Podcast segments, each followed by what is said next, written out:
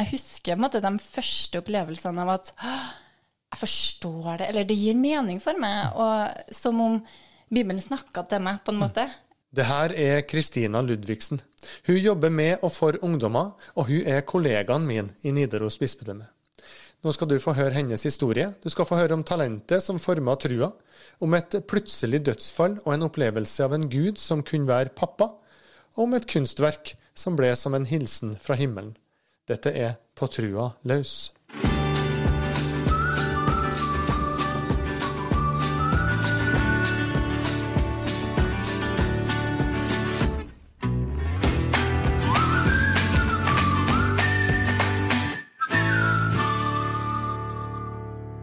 Magnevik Ravndal heter jeg, da. Så har vi altså gjort unna alle sånne formaliteter. Eh, mm. Hvis vi nå tenker oss at vi er i Trondheim, og så tar vi turen litt sørover mot Oslo, kommer liksom opp en bakke der, og til venstre da så finner vi en bydel, kanskje kan vi kalle det en, en grend. Jeg ser for meg en sånn bakke nedover der med noen eneboliger, noen rekkehus, noen leiligheter, en eh, Coprix, eh, en fotballbane. Mm. Skjetnemerka. Absolutt. Der vokste du opp, Kristina. Hvordan var det? Det gjorde jeg. Noen vil også kalle det et leirhøl. Ja. Det er egentlig det det er. Ja. det er tras. Du, jeg vokste opp i Skjetnemarka.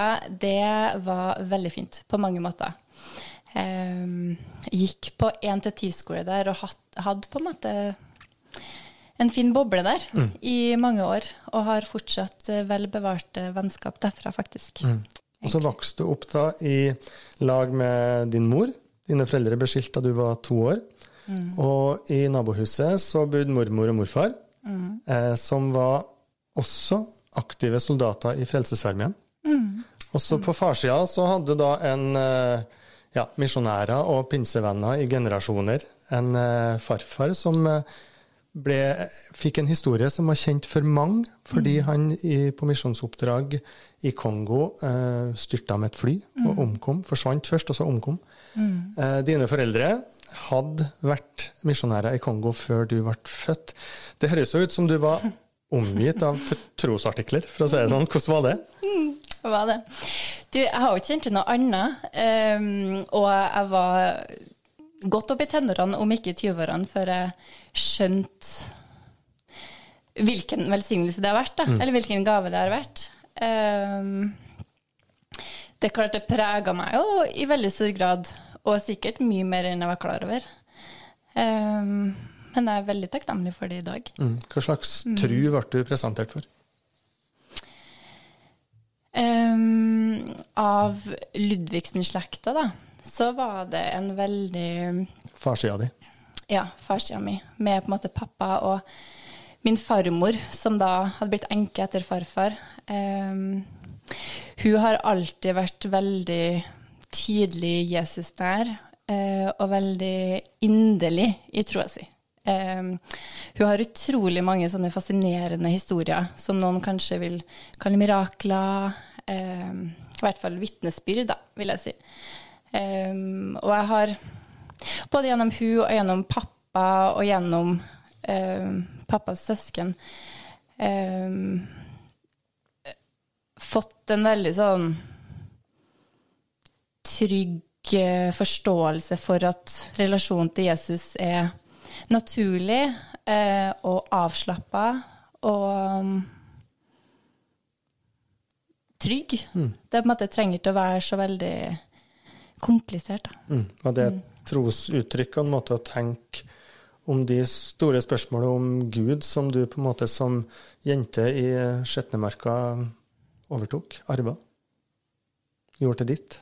Mm. Den jenta i Skjetnemarka gjorde kanskje ikke det, men etter hvert som jeg ble eldre, så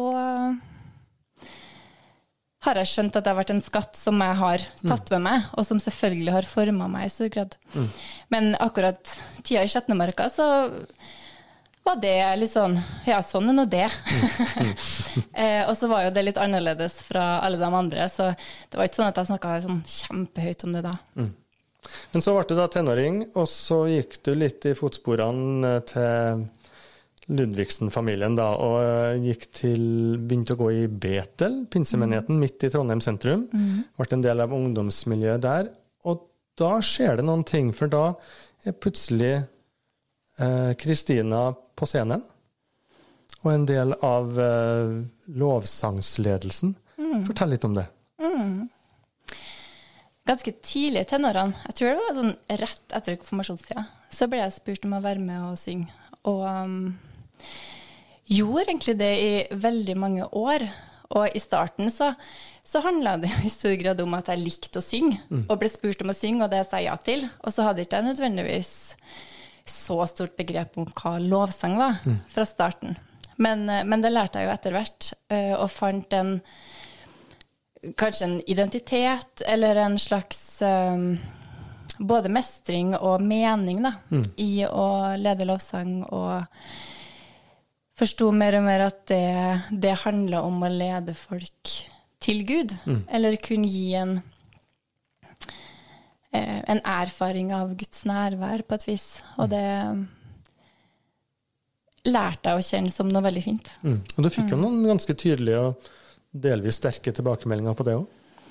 Ja, jeg gjorde det. Men jeg skjønte ikke så veldig mye da. Fortell men om også, det. OK. Prøv.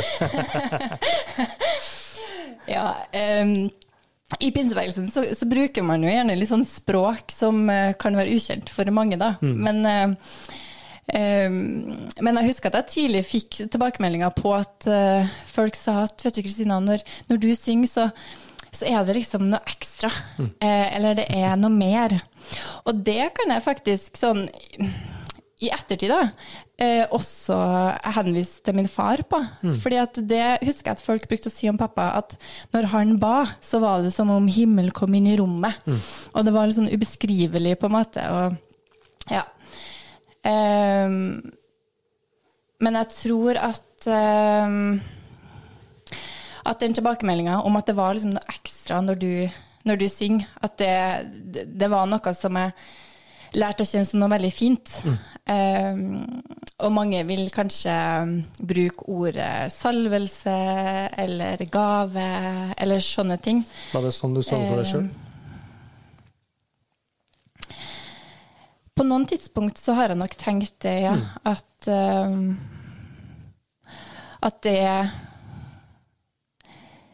At det er noe jeg kan tilby, på et vis. Mm. Eller um, Ja. Jeg, jeg baler egentlig litt med det der, det skal jeg ærlig innrømme. For jeg, det er jo vanskelig å sette to streker under svaret. Mm. Men, men, um, men, det, men det er i hvert fall sånn at det har fulgt det. Altså det er jo bare mm. Et halvår siden at uh, man kunne se deg på scenen lede allsang på Olavsfest, uh, i det som da ble kalt Bjørn Hymns. Men vi så jo da veldig tydelig den derre uh, lovsangslederen Kristina. Det var ikke noe mm. vanskelig å se at det var noe som Det var en plass du var trygg, da. Mm. og da lurer jeg på, mm. når du står en sånn plass der du plutselig kjenner at du er trygg, du er tenåring, du får masse tilbakemeldinger. Hva gjør det med, med trua di? Mm. Hm, godt spørsmål. Jeg tror at det gjorde at jeg absolutt tenkte at det var mer mellom himmel og jord, mm. og at jeg fikk en opplevelse av at jeg kunne møte Gud gjennom lovsangen, og at Gud kunne møte meg Eh, men hva det gjorde med troa mi eh, Der og da så vet jeg ikke om det var det som forma teologien min, liksom. Mm. Det, det, var det nok ikke. Men, um, men, det ga veldig mening for meg mm. å, å, synge. Og det, og det, ga meg en fred. Det ga meg en um, En sånn trygghet. Uh, mm. Og det en hvile, kanskje. Mm. Og så førte jo det da deg etter hvert i kontakt med folk som nettopp drev med musikk og tru eh, på samme tid. Eh, mm. Du har fortalt meg det at da videregående skolen begynte å gå liksom mot slutten, så mm. knytta du kontakt med eh, en familie mm. eh, som, eh, som, var aktiv i forhold til å presentere tru via musikk. Og det ble mm. på en måte et et kapittel for det. Mm. Mm. det ble et nytt kapittel. Eh, nå skal det sies at jeg kjenner til dem fra ganske ungt av. Eh, det her er en familie som lager musikaler om, eh, fra bibelhistorien. Eh, og hadde vært med i ganske ung alder også på noen oppsetninger. Eh, men jeg ble spurt om å bli med til Israel faktisk og turnere med en eh, musikal om jødenes historie. Og det trengte ikke jeg akkurat å tenke så lenge på. Da var du 18 år? 19 år? Eh, ja, jeg var 18. Jeg ble 19 den sommeren jeg var ferdig på videregående. Um, det var, det var jo et eventyr uten like. Så for ei ung jente som elsker eventyr, så var det et lett ja. Ja. Og der skulle dere lage musikal om Jesus.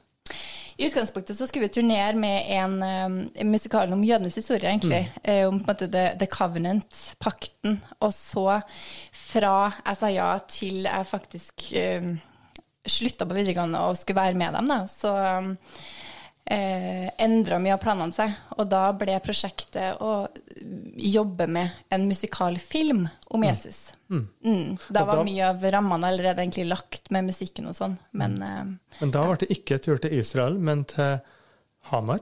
Og et gårdsbruk og 10 000 høns. Fortell. ja. Det var en del sånne praktiske omstendigheter som gjorde at eh, det ikke var mulig å komme inn i Israel. Eh, og så ble det litt sånn endring i prosjektfokuset, da. Så i stedet for Israel, så ble det ildseng. Eh, og vi lurte på om Gud kanskje hørte feil.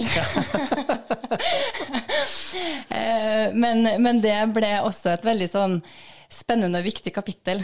Eh, jeg, var, jeg fikk jo muligheten til å endre på en måte ja-et mitt, men jeg var så eh, overbevist om at det var det her Gud ville at jeg skulle gjøre det her året, at uansett hva det innebar, så ville jeg være med på det. Det var to år på den gården på Hamar.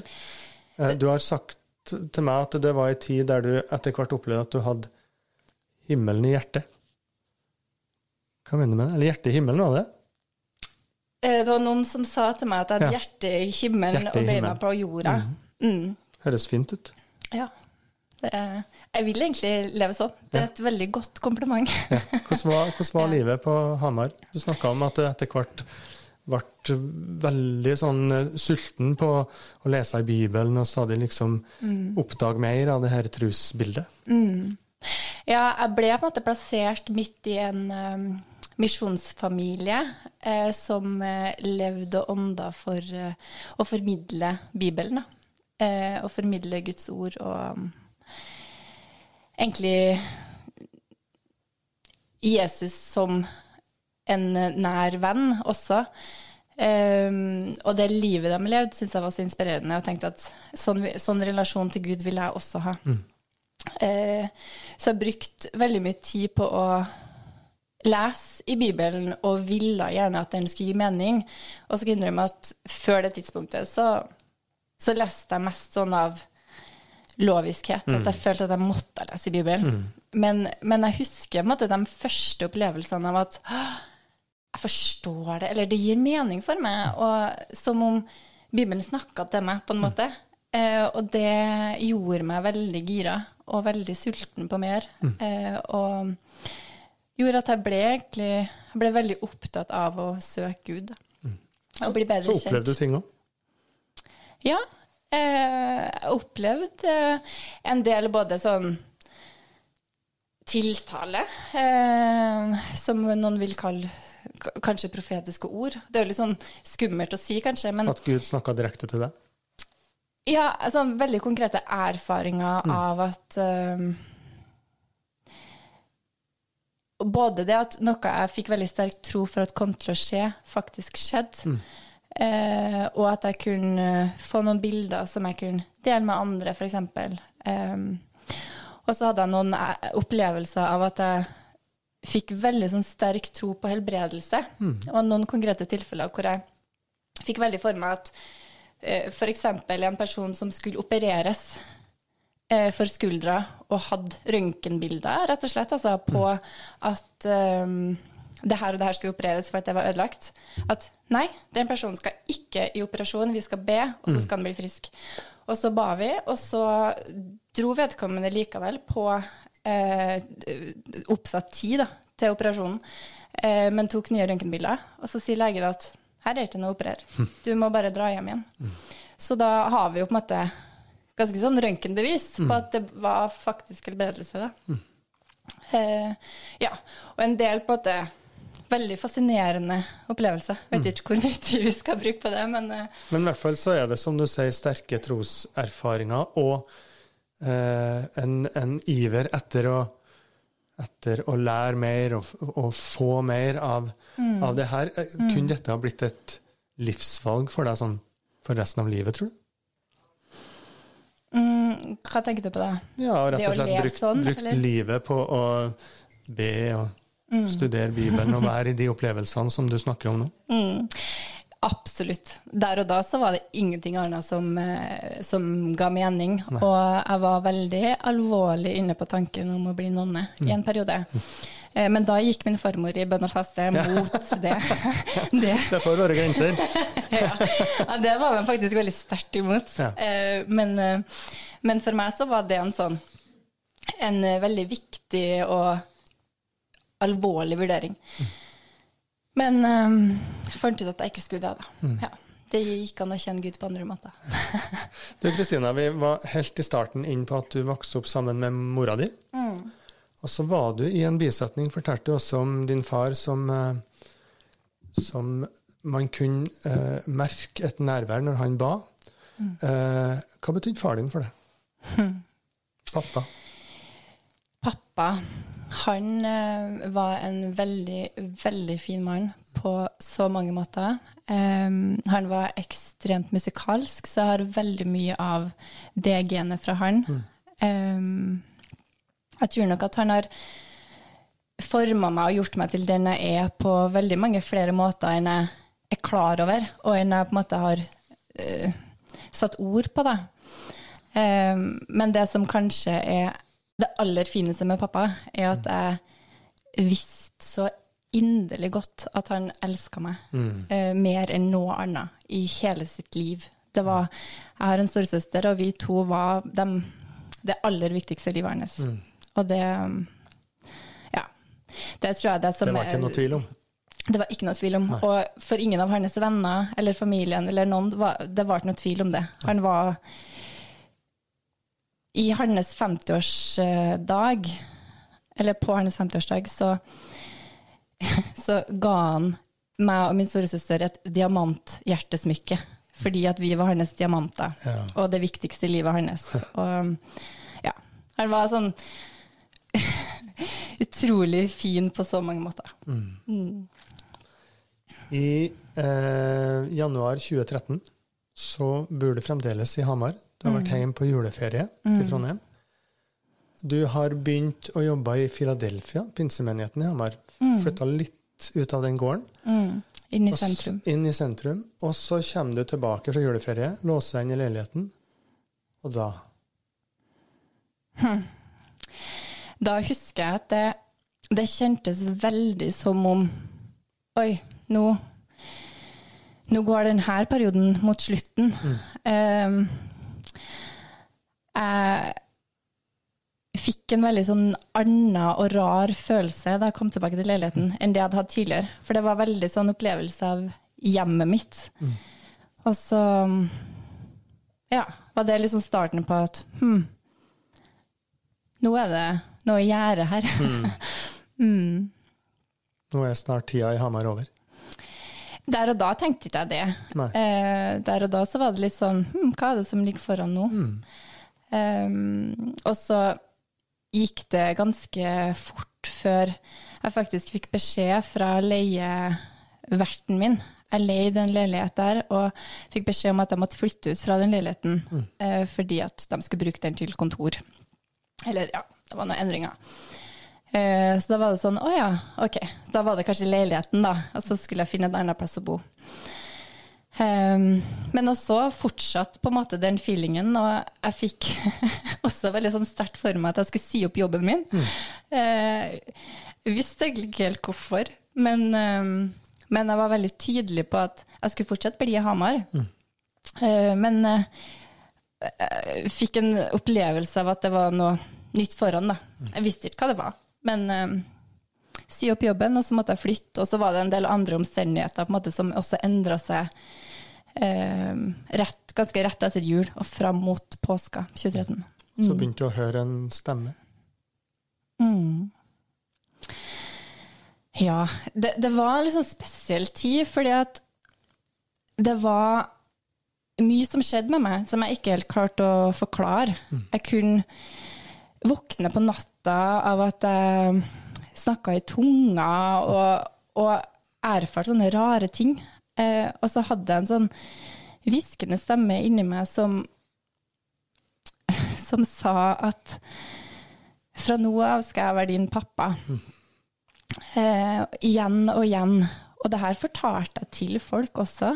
Eh, og jeg skjønte ikke hva det betydde. Men, eh, men det var veldig sånn konkret, da. Mm. Og det gjentar seg, og så kommer du hjem på påskeferie. Mm. Du drar på eh, palmesøndagsgudstjeneste i Betel, Mm. og så drar du og besøker pappa. Mm. På den uh, gudstjenesten på Palmesøndag Mm.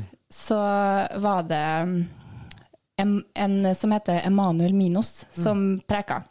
Kjent for mange. Eh, han er kjent for mange som en profet og har skrevet flere bøker. og- Ja. Og på den gudstjenesten så skjedde noe litt sånn igjen, da, noe litt sånn rart med meg som eh, gjorde at jeg gikk fra at jeg var helt overbevist om at jeg skulle bli i Hamar og bo i Hamar. Og i hvert fall ikke flytte tilbake til Trondheim. Det var liksom, det var før søndag klokka 11. Og så plutselig så bare landa jeg på at jo, jeg skal flytte tilbake til Trondheim, jeg.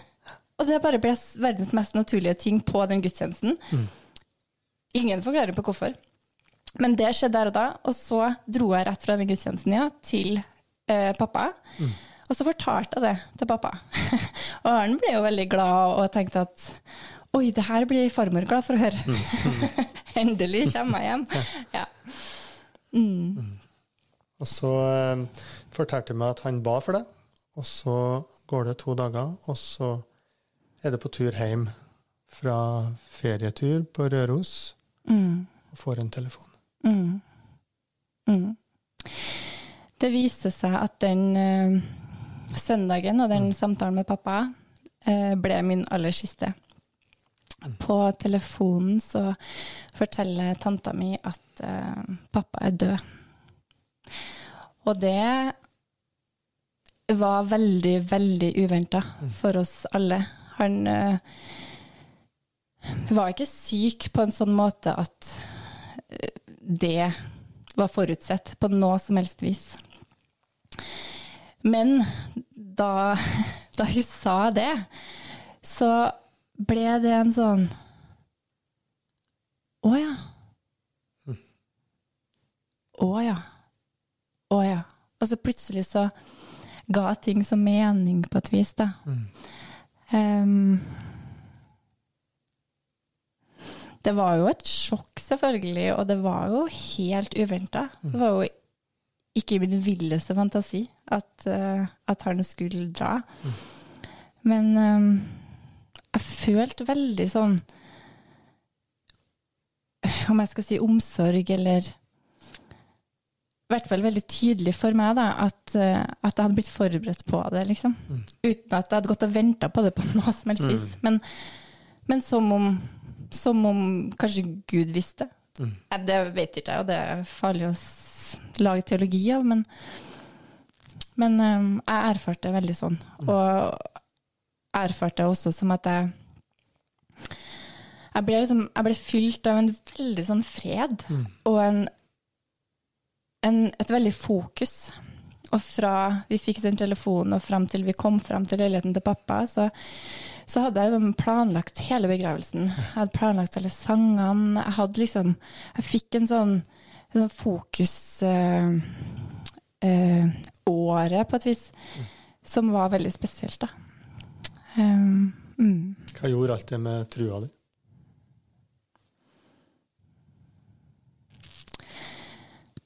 Der og da så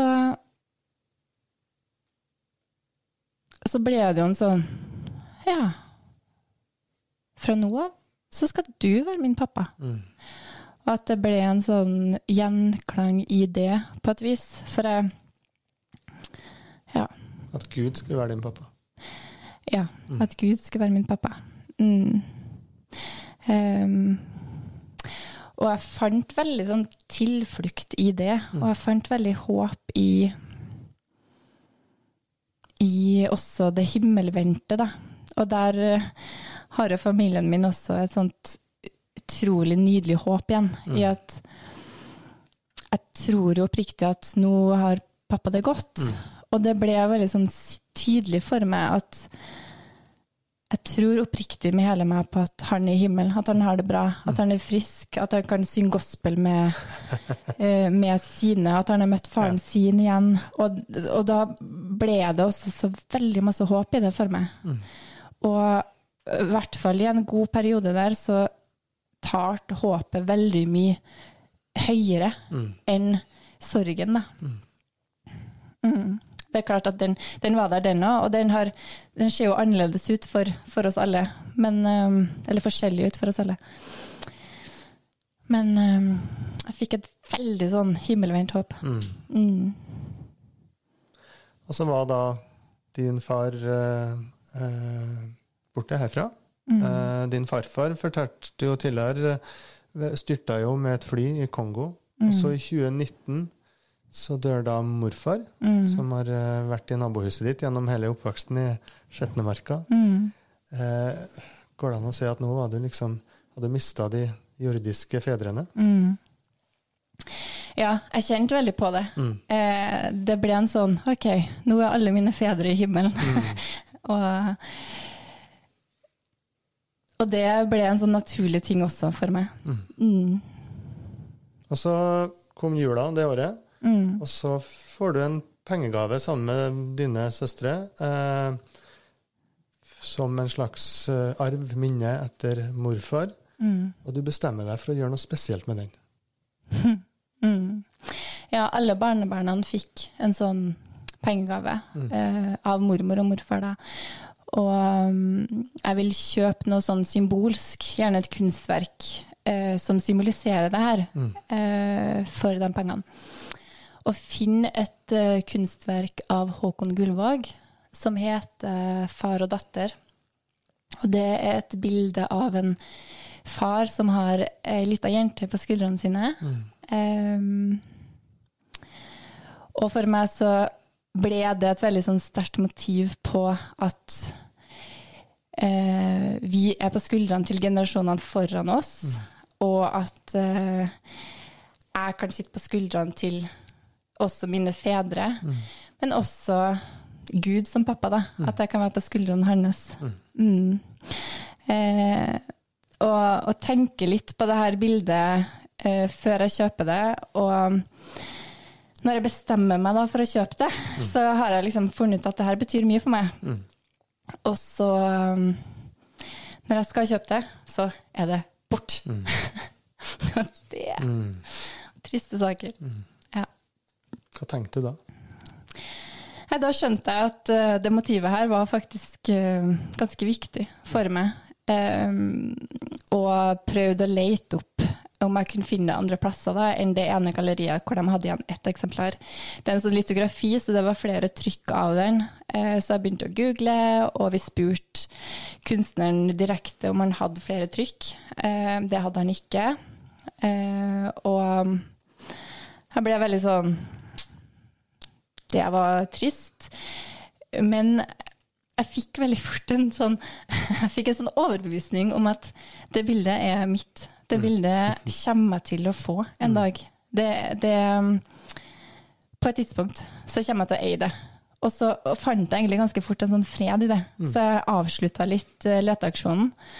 Og så har jeg jo sett Gullvåg sin kunst eh, veldig mange plasser, og det er jo helt fantastisk. Um, og hver gang jeg har sett kunsten hans, så har jeg tenkt at det bildet, det kommer jeg til å ha en gang. mm. mm. Så er vi da helt inntil nylig, når du mm. som ungdomsrådgiver eh, jobber med et eh, et eh, prosjekt, et uh, kursopplegg for unge voksne i Nidaros, som mm. skal også innebære en reise til Israel og, så, og til Jordan og til Det hellige land, og så drar du sjøl. Kommer til dåpsstedet i Jordan, der man tror at Jesus ble døpt. Mm.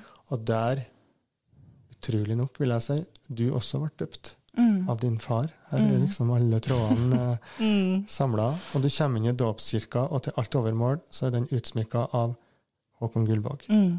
Det stemmer. Og da begynner du å tenke på det bildet igjen. Mm. Ja, ja, jeg ble døpt i Jordan av faren min, og det å komme tilbake dit, det ble veldig sterkt for meg. Um, så det prega meg, og det gjorde at jeg delte litt rundt det med noen av mine reiser, i reisefølget, da. Og så da, når vi da kommer inn i kirka og ser Gullvåg, eh, så var det også veldig naturlig for meg å fortelle om det her bildet. Fordi at igjen, når jeg ser Gullvåg, så har jeg tenkt på det. Mm. Og da viser det seg faktisk at det er ei av dem som er med på denne turen, som akkurat har fått det her bildet i sin egen leilighet. Eh, for det har kommet med et flyttelass med en ny samboer. da. Så hun ble jo helt rar og ble litt sånn eh, Ja, det hørtes kjent ut. Og så tok hun fram et bilde og bare Er det det bildet her? Og da hadde hun fått tilsendt eh, Eller fikk i hvert fall funnet det bildet, da. Da var det akkurat det bildet. Og så viser det seg at det er eksakt det bildet som jeg har tenkt at det, det skal jeg ha. Um, det henger altså på veggen hennes, så det ble hengt opp der jeg vet ikke, tre uker før, eller ganske rett før vi reiser på tur. da. Mm. Og så eh, går historien videre. Den går- kommer tilbake igjen fra, fra Jordan. Mm. Vi kommer tilbake igjen, og så eh, var det en sånn eh, praktiske eh, grunner til at eh, hun her da, og han som eier det her bildet, de skulle til Gullvåg og um, besøke atelieret, og skulle spørre han da om han hadde et ekstra trykk eh, av bildet. fordi at det her hadde også gjort inntrykk på, på hun som, eh, som var med på reisen. Og så eh, viser det seg at han, han har ikke flere av akkurat det konkrete, den størrelsen og det trykket, men han har det i flere størrelser. Eh, og så kommuniserer de det her til meg. Eh, og så var vi litt sånn fram og tilbake på noen avklaringer, og så plutselig så, så får jeg et sånt tilbud av dem, om at, uh, hvor de sier at den historien uh, har gjort så inntrykk på dem eh, at eh, de veldig gjerne vil selge meg det her bildet. Eh, og det, da var det jo det bildet han hadde privat, og som også var veldig betydningsfullt for han. Eh, og jeg hadde selvfølgelig aldri i min villeste fantasi spurt om noe sånt, eller på en måte framtvingt at noen skulle, at noen skulle gi meg det bildet, på en måte. Men, uh, men det var et tilbud fra deres side fordi at de syntes at det var så betydningsfullt. Da. Så Og nå har du det. plutselig, så fra den ene dagen til den andre, så ble jeg eier av det bildet eh, i slutten av desember 2022. Så det er så spesielt for meg. Og så har jeg jo fortalt til så mange rundt meg også at jeg vet at jeg kommer til å eie det bildet. Og så kan jeg fortelle at vet du, nå eier jeg faktisk det bildet. Og det er jo veldig, veldig fint. Ja. Hva tenker du om det? Den historien? Som gjør inntrykk på meg òg. Kjenner virkelig at eh, det griper meg når du forteller den. Er det Gud? jeg, jeg tenker jo at det er eh, en gave fra himmelen. Eh, og en sånn fun fact på det her også var at ah, i månedsskiftet mellom november og desember så, så var jeg på retreat på Lia. Og da hadde jeg skrevet et veldig konkret bønneemne, faktisk. Som var sånn Jeg vil at Sånn til Gud, da. Da er Gud du. Jeg vil at du skal gi meg en helt konkret fysisk gave som tydeliggjør at du ser meg, og at du er min pappa. Det hadde jeg skrevet 1.12.2022. Um, og det har jeg skriftlig. Og så får jeg den helt konkrete fysiske gaven under tre uker etterpå. Så det ble jo en veldig sånn Ja. fra nå av skal du være min pappa. Og en opplevelse av at Og at jeg tror at uh, at Gud som far og måte, mine fedre i himmelen da, har eh, omsorg for meg og, og ser meg og bærer meg. Det er jo, for det er jo det det bildet sier, sant? At, at du blir båret da, av en som er større enn deg sjøl. Og så er det ei lita jente, så det er på en måte også at jeg kan få være som et barn. Mm. Og kanskje også større enn mange av de spørsmålene som vi er til stor innimellom. Eh, Da vi snakka sammen, så, så avslutta de med å sitere Petter Dass. Gud er Gud. Mm. Ja, eh, nå er det jo flere runder i livet her som vi ikke har vært innom. eh, og, og det har jo ikke alltid vært sånn for meg at jeg har tenkt at Gud er min pappa. Eh, jeg har eh, prøvd å ta veldig avstand i perioder og tenkt at jeg vil ikke ha noe mer med Gud å gjøre. Eh, og har kommet fram til at det kanskje i stor grad er kulturen rundt ting som har vært problematisk for meg, og at um,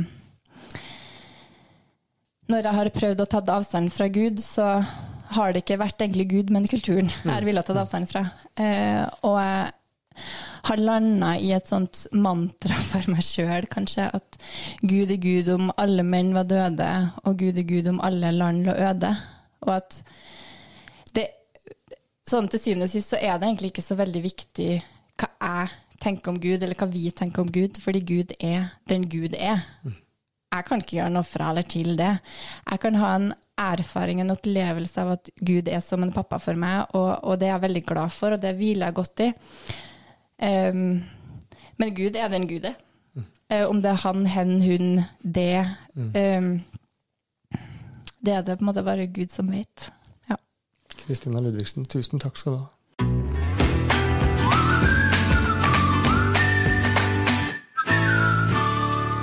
På Trua laus er en podkast fra Nidaros bispedømme.